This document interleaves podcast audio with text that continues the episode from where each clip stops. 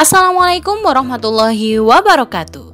Hai millennials, gimana nih kabar milenial hari ini? Sudah lebih dari satu bulan negeri kita mengalami wabah pandemi corona. Semoga teman-teman milenial tetap produktif ya. Walaupun waktu kita sekarang lebih banyak stay at home, bukan berarti loh ya akhirnya kita malah banyak rebahan, maraton drama Korea, atau aktivitas unfaedah lainnya. Hmm, jangan sampai ya sobat milenial. Untuk mengisi harimu, Cemils akan menjadi cemilan yang berkualitas untuk akal dan pikiran kita. Kami sudah menyiapkan cerita seru dari sobat milenial yang ada di rumah. Langsung aja yuk kita dengarkan. Check it out!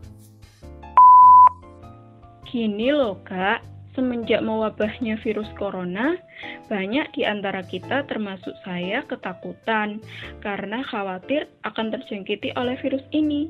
Hmm, wajar nggak sih kak kalau kita panik? Atau harusnya kita gimana? Hmm, iya ya. Kira-kira wajar nggak sih teman-teman kita panik terhadap virus corona ini? Kita langsung diskusikan aja yuk bareng Kak Rizky dan juga Kak Maria. Untuk yang pertama nih, uh, saya ingin ngobrol dulu dengan Kak Rizky. Gimana nih Kak, menurut pendapatnya Kakak tentang cerita teman kita tadi nih Kak? Kenyataan itu benar Mbak Hamida. Jadi semenjak merebaknya virus corona atau COVID-19 ini, timbullah rasa kecemasan yang tinggi hingga mengakibatkan kehilangan sense of control. Yaitu apa? Kecenderungan bertindak cepat menuruti kata hati tanpa berpikir panjang. Dan kalau kita lihat kepanikan ini tidak hanya terjadi di Indonesia loh Mbak Hamida. Masyarakat Inggris dan berbagai negeri lainnya mengalami hal yang sama. Mereka panik takut, cemas yang berlebihan karena virus ini juga sudah mewabah ke seluruh dunia. Terus kita panik itu wajar nggak? Nah sebenarnya nggak wajar Mbak Hamida, seharusnya kita nggak boleh panik. Hmm, jadi kita nggak boleh panik ya Kak Rizky ya? Itu kalau dari Kak Rizky nih, kalau dari Kak Mariam, kita boleh panik nggak sih Kak untuk mengatasi virus corona ini? Ya, sebenarnya sama Mbak Hamidah jadi wajarnya kita nggak boleh panik tapi sekarang jadi semua nggak wajar karena semua pada panik gitu ya hmm kira-kira kenapa nih kak uh, ketidakwajaran itu orang-orang jadinya pada panik tadi Kenapa kok justru jadi nggak wajar sekarang? Karena hidup kita ini sedang diatur oleh sebuah sistem yang membuat kita jadi nggak wajar perilakunya. Apa itu? Sebuah sistem yang memisahkan antara agama dengan kehidupan. Kalau bahasa kerennya nih namanya kapitalisme, sistem kapitalisme. Nah, jadi kehidupan kita yang sangat kompleks ini itu diatur dengan sebuah sistem atau aturan yang tidak berdasarkan pada keimanan, baik itu levelnya individu maupun level bermasyarakat atau bernegara. Padahal bagi seorang muslim, iman adalah sebuah kunci gitu kan ya. Iman ini menjadi penentu standar berpikir dan juga berperilaku seseorang. Jika kemudian seseorang tidak punya keimanan yang kokoh dalam dirinya, maka itu akan berefek pada sikap atau perilakunya. Sebagai contoh nih, sekarang lagi ada wabah virus corona. Nah, akhirnya apa karena tidak punya belum punya gitu ya, belum punya iman yang kokoh, masyarakat akhirnya pada ketakutan dan panik.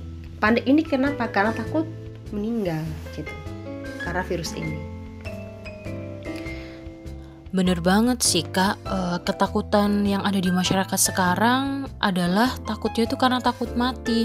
Bener banget tuh kak. Kembali ke Kak Rizky nih. Kira-kira Kak Rizky, kalau menurut Kak Rizky, kita harus gimana ya? Kan tadi kita nggak boleh panik. Berarti untuk menghadapi corona, kita harus apa dong kak? Kalau kata Mbak Mariam tadi itu kan kehidupan kita sekarang ini sedang diatur tidak berlandaskan keimanan. Maka yang harus kita lakukan adalah kembali pada keimanan kita secara kafah. Nah, masalahnya sekarang orang-orang itu sebenarnya takut mati atau takut corona, Mbak Hamida? Takut corona sih, Kak. Nah, kalau kita kembali pada keimanan, seharusnya kan takut sama Allah. Karena dengan kita takut sama Allah, itu akan membawa kita e, lebih dekat kepada Allah. Sementara kalau kita takut sama corona yang merupakan makhluknya Allah juga, justru akan menjauhkan kita dari Allah. Nah, bagi orang yang beriman yang meyakini bahwa penyakit itu merupakan kodok dari Allah, maka sikap yang harus ditunjukkan adalah menguatkan keimanan pada Allah, menyadarkan diri hanya pada Allah. Dengan iman, seseorang akan merasa ridho dan sabar bahwa musibah, bencana itu dapat datang kapan saja dan memusnahkan siapa saja yang ada di daerah tersebut, baik yang taat pada syariat maupun yang ahli maksiat. Oke, berarti intinya di sini kita harus menempatkan diri dengan benar ya kak. Ketakutan itu harusnya lebih takut kepada Allah sehingga kita mampu mendekatkan diri lebih kepada Allah dengan memperkuat iman ya kak. Tapi nih kak, eh, selain untuk memperkuat iman nih sesuatu yang uh, harus kita lakukan ikhtiarnya nih kak untuk mengatasi virus corona ini apa sih kak kira-kira? Ikhtiar perlu dong Mbak Hamidah Karena Allah pun memerintahkan kita untuk berikhtiar. Maka kita harus memaksimalkan ikhtiar Yaitu melakukan berbagai cara yang dapat terhindar dari terjangkitinya virus corona itu Sebagaimana yang kita tahu. Dan fakta bahwa kita melarikan diri atau menghindari dari terjangkitinya virus corona ini bukan berarti kita tidak takut sama Allah. Karena ini adalah ranah ikhtiarnya manusia. Sebagai contoh, gak ada kan seseorang ketika dia itu masuk ke kandang singa, terus dia berkata, saya nggak takut sama singa, karena saya takutnya sama Allah. Nah faktanya orang yang berakal, dia pasti akan lari ketika dikejar sama singa atau dia ada di dekatnya singa gitu. Dan tidak akan berhenti ya dan tidak akan membiarkan dirinya itu dimangsa oleh singa. Karena alasan apa? Saya tidak takut pada singa tetapi hanya takut sama Allah. Nah, Rasulullah pun pernah menyatakan dalam hadis yang diriwayatkan oleh Imam Al-Bukhari yang artinya jika kamu melihat bumi tempat wabah, maka jangan memasukinya. Jika kamu berada di sana, maka jangan keluar darinya. Kalau sekarang istilahnya itu lockdown itu loh Mbak Hamida seperti yang pernah dipraktekkan sama Khalifah Umar bin Khattab yang mana beliau gak tinggal diam ketika terjadi wabah penyakit pada masa kepemimpinannya beliau. Beliau melakukan e, cara yaitu mengambil sebuah solusi yang diperintahkan oleh Rasulullah yaitu dengan istilahnya sekarang itu adalah lockdown tadi Mbak Hamida. Nah, dan lockdown itu merupakan solusi loh Mbak dalam Islam. Solusi apa? Solusi ketika menghadapi suatu wabah penyakit.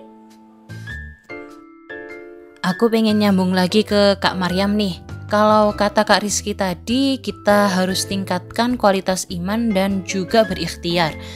Kalau dari Kak Maryam, kita harus gimana nih untuk berikhtiar atau mengatasi virus corona ini? Oke. Jadi ketika seseorang itu takut mati atau takut takut diambil nyawanya oleh Allah, seharusnya kan yang dia lakukan adalah dia menjaga keimanannya itu hingga ajal menjemputnya. Dan bagaimana kemudian hidupnya ini dia selalu menjadikan hidupnya selalu totalitas pada ketakwaan, keimanan kepada Allah secara menyeluruh gitu ya. Karena sadar bahwasanya kalau di akhirat itu kita akan mempertanggungjawabkan semua yang kita lakukan oleh karena itu kita harus bermuasabah mengingat kemaksiatan apa saja yang sudah kita lakukan sehingga Allah itu menurunkan uh, wabah atau bencana pada suatu kaum sebagaimana firman Allah dalam Quran surah Ar-Rum ayat 41. Bismillahirrahmanirrahim. Dhaharul fasadu uh, fil barri wal bahri bima kasabat aydin nas. Telah tampak kerusakan di darat dan juga di laut karena apa? Karena kasabat aydin nas, karena ulah tangan manusia sendiri liyudikohum ba'dalladhi kami tunjukkan sebagian ladhi amilu yang mereka lakukan la'allahum yarjiun agar mereka itu kembali kepada Allah. Itu harapannya Allah. Ketika Allah menimpakan suatu bencana atau wabah kepada suatu kaum harapannya apa? Kaum itu kembali kepada Allah menerapkan aturannya Allah. Seperti itu Mbak Masya Allah, Alhamdulillah Sobat Milenial Dari diskusi tadi, kita dapat menyimpulkan bahwa sikap kita sebagai seorang Muslim ketika menghadapi musibah harusnya tawakal, bukan malah takut atau bahkan panik. Dan tawakal itu bukan berarti pasrah, ya, teman-teman. Sekian cerita milenial episode 2 kali ini. Kita akan kembali lagi minggu depan dengan berbagai cerita dari kalian semua. Jangan lupa untuk tuliskan di kolom komentar tentang cerita-cerita kalian yang ingin kami bahas nantinya. Satu pantun untuk mengakhiri perjumpaan kita hari ini. Surabaya diserang virus.